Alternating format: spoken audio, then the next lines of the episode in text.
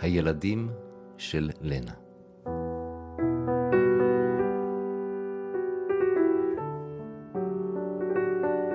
שיחות עם היתומים שנאספו לבית הילדים של לנה קיכלר. עורך ומגיש עופר שמיר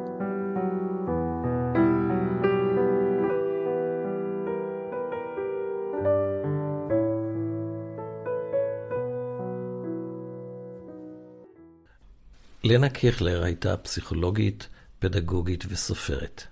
ספרה הידוע ביותר הוא מאה ילדים שלי. לפני פרוץ מלחמת העולם השנייה, עבדה לנה כמורה ולימדה בסמינר למורים יהודיים בפולין. לנה הצליחה להסתתר ולשרוד את תלאות המלחמה. בסיומה, בעודה מחפשת אחרי קרוביה, היא הגיעה לבית הוועד היהודי בקרקוב, בו גילתה עשרות ילדים יהודיים יתומים, שניצלו ושהיו במצב גופני ונפשי קשה.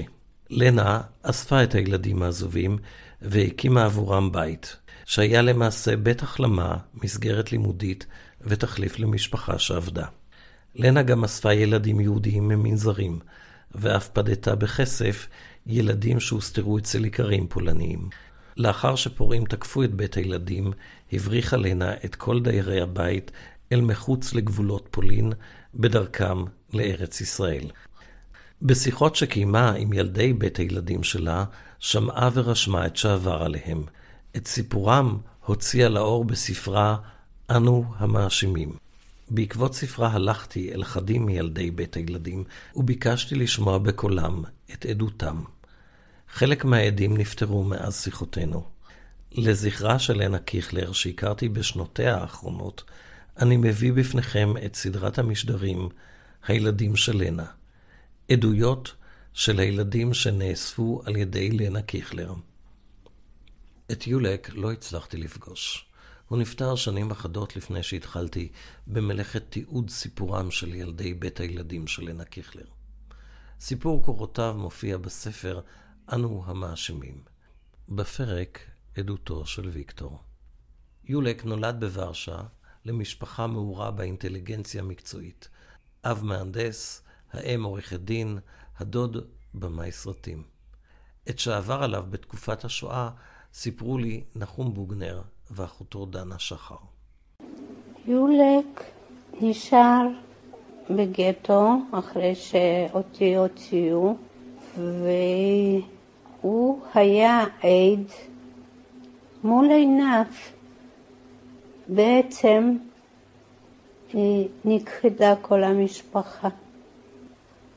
באקציה אחת באו ולקחו את סבא וסבתא שלי ודוד, אחות של אבא שלי ובעלה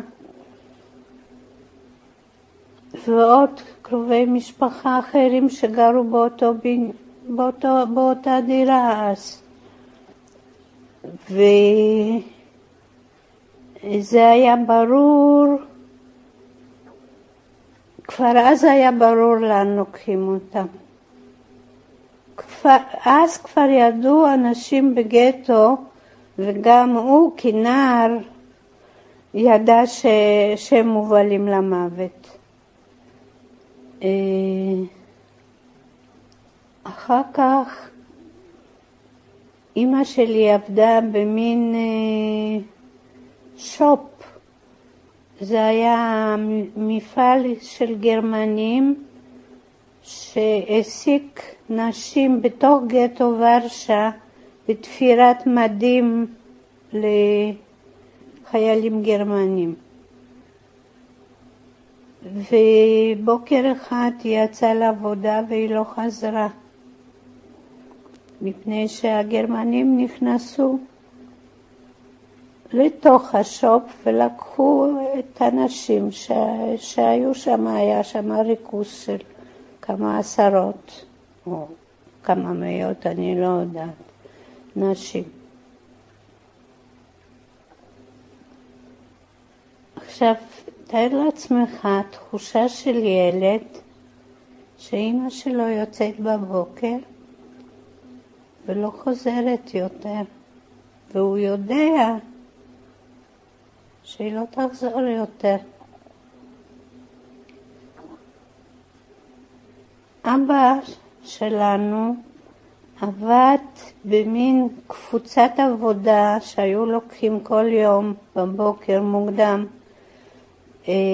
מתוך הגטו והם היו מבצעים עבודות ניקיון, ניקוי רחובות בצד הארי. כי מי שעבד, במרכאות, אה, הייתה לו זכות לקבל כרטיס מזון, ובלי כרטיס מזון אי אפשר היה לאכול אפילו את המנות לחם שאפשר היה להשיג. ויום אחד, בוקר אחד, אבא יצא, זה היה כמה ימים אחרי שלקחו את אמא. אבא יצא לעבודה בבוקר. ולא חזר. והוא חיכה. הוא חיכה שעה, חיכה שעתיים, הוא חיכה כל הלילה. וגם למחרת אבא לא חזר. איכשהו אני לא מסוגלת אה, להיכנס לתוך ההרגשה של ילד ש, שמחכה ככה. ושבאיזשהו מקום יודע בסופו של דבר שאבא לא יחזור. למחרת בא מישהו מהקבוצה הזאת, שעבד בקבוצה הזאת, וסיפר שאבא נורא ברחוב. הוא ניסה לצאת מהשורה כדי לקנות לחם כי היו שם כל מיני אנשים שהיו עומדים ומוכרים לחם, תפוחי אדמה, וירו בו במקום. זהו. ואז הוא נשאר עם דוד אח של אימא שלי. של, לאימא שלי היו שני אחים, והוא נשאר איתם. והם הוציאו אותו תח, אה, דרך תעלות ביוב מהגטו. ולאן הם הביאו אותו? האחים הדודים לצלינה, לאישה שהייתה מטפלת שלנו לפני המלחמה, גויה, נוצריה. ולא היה להם כסף לשלם עבור ההחזקה שלו. אז הם הביאו אותו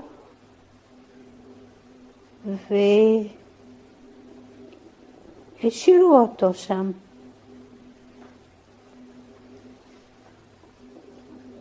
אחר כך, לפני כמה שנים, היא ביקרה בארץ, היא אחת מחסידי אומות העולם, היא הוכרה כחסידת אומות עולם.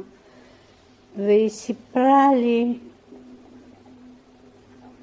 המצב שלה היה קשה, היא הייתה אלמנה, הייתה לה ילדה קטנה מאוד, שהייתה ב, ב, בתהליך של אה, שח... ת, תהליך מוקדם של שחפת. וגם לה לא היה מספיק, כן? אבל כש, כשהיא הייתה פה בארץ והיא דיברה, היא דיברה המון, היא דווקא דיברה המון על התקופה הזאת, אז היא אמרה, אבל זה יורק, זה, זה ילד שאני גידלתי. מאז שהוא היה תינוק. לא, לא יכולתי לא לקבל אותו. והוא היה אצלה, היא, היא הייתה שומרת על איזשהו מחסן של עצים בפרברי ורשה. ובעצם בעלה היה שומר שם, אבל אחרי שהוא נפטר, היא נשארה שם, הייתה דירת חדר, והיא גרה שמה.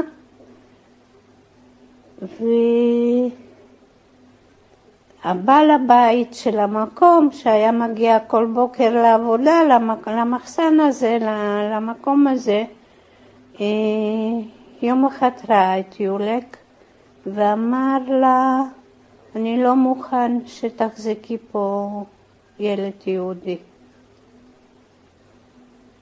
אם, אם את לא תגרשי אותו, אז אה, אני אגרש אותך מפה. וזו הייתה קורת גג שלה וגם מקום פרנסה שלה. אז אה, הם עשו סידור. הוא היה יוצא מהבית מאוד מוקדם,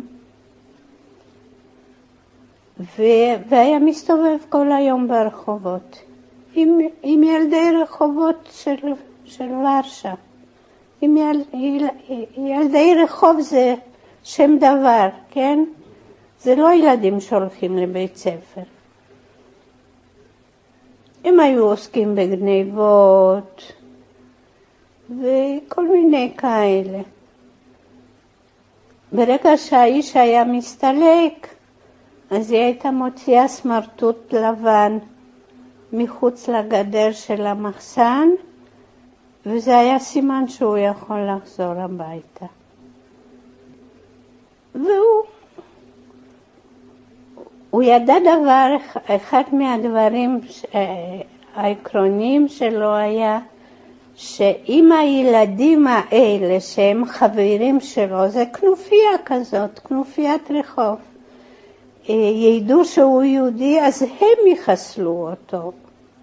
הם לא, הם לא ימסרו אותו לגרמנים, הם עצמם ייהנו מזה שיחסלו אותו. אז הוא היה צריך להישמר.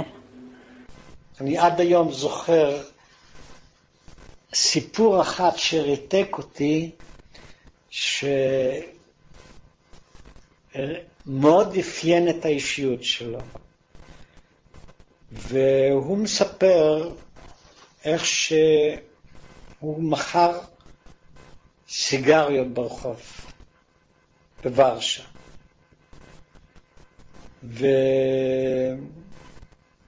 ונכנסה שעת העוצר, שהוא כבר היה צריך להסתלק מהרחוב, ופתאום הוא שומע את, ה... את הצעדים של הפטרול הגרמני שמסדר, שמס... שמסייר ברחוב ונתקף פחד. ויולק היה אדם שתמיד היה לי רושם שהוא לא יודע מה זה פחד. היה ציניקן כזה קר, ואז הוא רואה שהפטרול הזה מתקרב אליו, והוא נאחז פחד, ואז הוא אומר, בשביל להשתחרר מהפחד, הוא אומר, קראתי, זאת אומרת, קרא על, על, פרסם את הסחורה שלו. קרה משהו זה, ואז הפטרול מתקרב אליו, ואחת מהחיילים הגרמנים נותן בעיטה במגש עם הסיגריות שלו, הוא אומר, זה אומר, שחרר אותי, הוא אומר, מיד התכופפתי, הוא אומר, לאסוף, לאסוף את הסיגריות ש... שהתפזרו על המדרכה, והם גירשו אותי מיד מהרחוב, אבל הוא אומר, הצעקה הזאת על על הסחורה שלי, והבעיטה הזאת בסחורה ולא בי, הוא אומר, שחררה אותי מהפחד. זה, אני, את הסיפור הזה של מה שנקרא ילדי רחוב, שזה סיפור בפני עצמו, בתקופת השואה, בעיקר שהם היו בערים הגדולות, אה, היה, אז כבר הרשים אותי. אחר כך, כשפרץ, טוב, זה כבר לקראת הסוף, כשפרץ מרד ורשה, הוורשאי, כן, הפולני, אז, האוכלוסייה שלא ברחה ולא... האוכלוסייה האזרחית של ורשה, הגרמנים אה, הגלו לשו... לאושוויץ, לא לשם השמדה, למחנה ריכוז, למחנה עבודה. הרי באושוויץ היו גם פולנים, היו שם איטלקים, היו שם כל מיני, היו שם צוענים, ואז, אה, וזה מעשה הגבורה שלה. כשהם הגיעו לשם, אז היא אמרה שהוא ילד שלה, שהוא בן שלה מנישואים קודמים, כי הייתה לו איזו תעודת אה, לידה מזויפת עם שם אחר מהשם שלה. ואם היו מגלים שהוא יהודי, אז היו הורגים גם אותה. זה, זה, זה המעשה הגבורה, זאת אומרת, אישה מחפה על ילד במודעות, שברגע שיגלו שהוא יהודי, דינה מוות. זה, זה משהו עילאי, זה משהו שכמעט לא נתפס. בעוד שהילדה הקטנה שלה, היא מסרה אותה בינתיים למנזר. כי היא הייתה חולה אגב. כן. והם היו שם כמה חודשים עד, ש... עד שלפני הכיבוש הגרמנים העבירו אותם לברלין. והיא עבדה כטבחית, גם טבחית, זה מקצוע מצוין, טבחית של אה, אסירים איטלקים שעבדו אצל גרמנים עבודות כפייה. כי הרי אצל גרמנים אז בתקופה הזאת כבר לא היה כוח אדם, לא היו גברים, הגברים היו בחזיתות השונות, אז אה, כל מיני שבויי מלחמה למיניהם ואסירים מילאו את התפקידים של להניע את התעשייה ואת עבודות הניקיון וכולי. והכיבוש של ברלין נעשה מול העיניים שלהם יום אחד. נכנסו חיילים רוסים וכבשו את ברלין. אחיך שהיה בן 16 הצטרף אליה? כן, כן. כי היא הרי אמרה שהיא אימא שלו. והוא היה שם עם עוד קבוצה של ילדים, לא, לא, כמובן לא יהודים. בכלל כבר היה אז מושג שאין יותר יהודים בעולם. כשנגמרו, הוא היה ילד מאוד מיוחד, הוא היה גם איש מאוד מיוחד, הוא היה איש עם חוסן נפשי מאוד גדול, אבל הייתה בו פגיעה נפשית של פוסט מלחמה הרבה יותר עמוקה מאשר אצלי. זאת אומרת, הוא, במובן זה הוא היה בן אדם מאוד מיוחד, כי בשפה שלנו אנחנו אומרים שהוא היה שרוט. אבל מצד שני הוא ניהל חיים של בן אדם לגמרי יציב וחזק וגאה ובעל כבוד עצמי. אה, לשנינו לא היו חיים קלים בארץ. בסוף חייו הוא היה מכור לגמרי והוא חי עוד פעם ועוד פעם את גטו ורשה, את ההיכחדות של המשפחה, את, ה, את הכיליון הזה של, של משפחה גדולה, ענקית, ענפה, עמידה, שהולכת ונכחדת. אני לא חוויתי את זה. אני הייתי רחוק כשזה קרה, ויש הבדל. עכשיו, לאח שלי לא הייתה בעיה של זהות אף פעם. הוא נראה ארי לגמרי. הוא, כן, לא, לא רק זה, גם, גם אחרי מלחמה לא הייתה לו בעיה של זהות, הוא, הוא ידע שהוא יהודי והוא ידע שהוא, שהוא רוצה להיות יהודי. אפילו שהוא נראה כארי. כן, ברור. כי הוא נראה בלונדיני. כן. אה, יוליק היה זאב בודד. הוא היה אדם בודד, הוא היה כזה קר, ציניקן כזה. לא היה, לא היה סרבק, מה שאנחנו קוראים, שמתחבק עם אחרים, לא, אינדיבידואליסט מאוד. אה, היה, היה אדם לא קל, גם לא, עד כמה שאני יודע, לא היה קל לנשים שהוא חי איתם,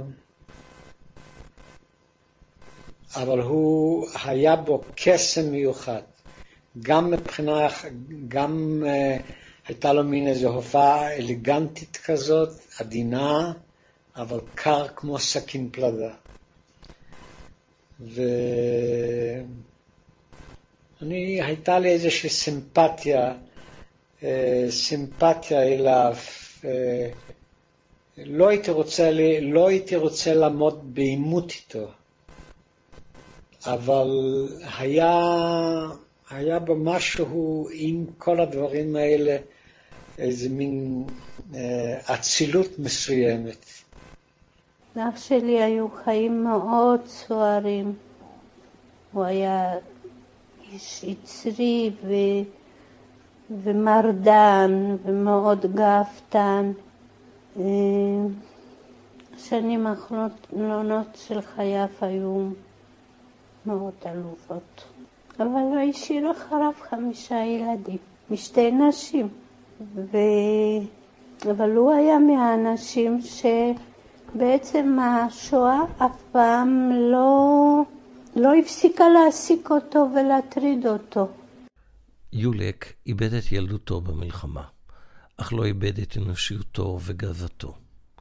בהיותו באושוויץ, מקום שכל אחד דואג לקיומו, דאג לצלינה, האומנת שלו, וכשחלתה, נרתם לעבודות פרח כדי להשיג לה מנת מזון. הוא תמך בחברים חלשים, רק את הגרמנים הוא שנא. הוא העדיף לוותר על מנת מרק, ובלבד שלא יצטרך להסיר את כובעו בפניהם.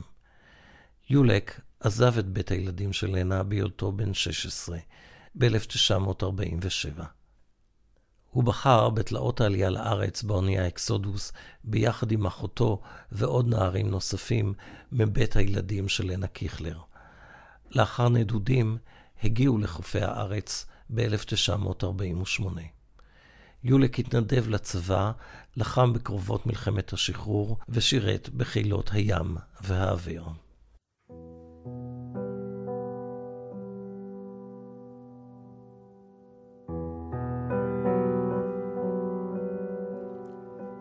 הילדים של לנה.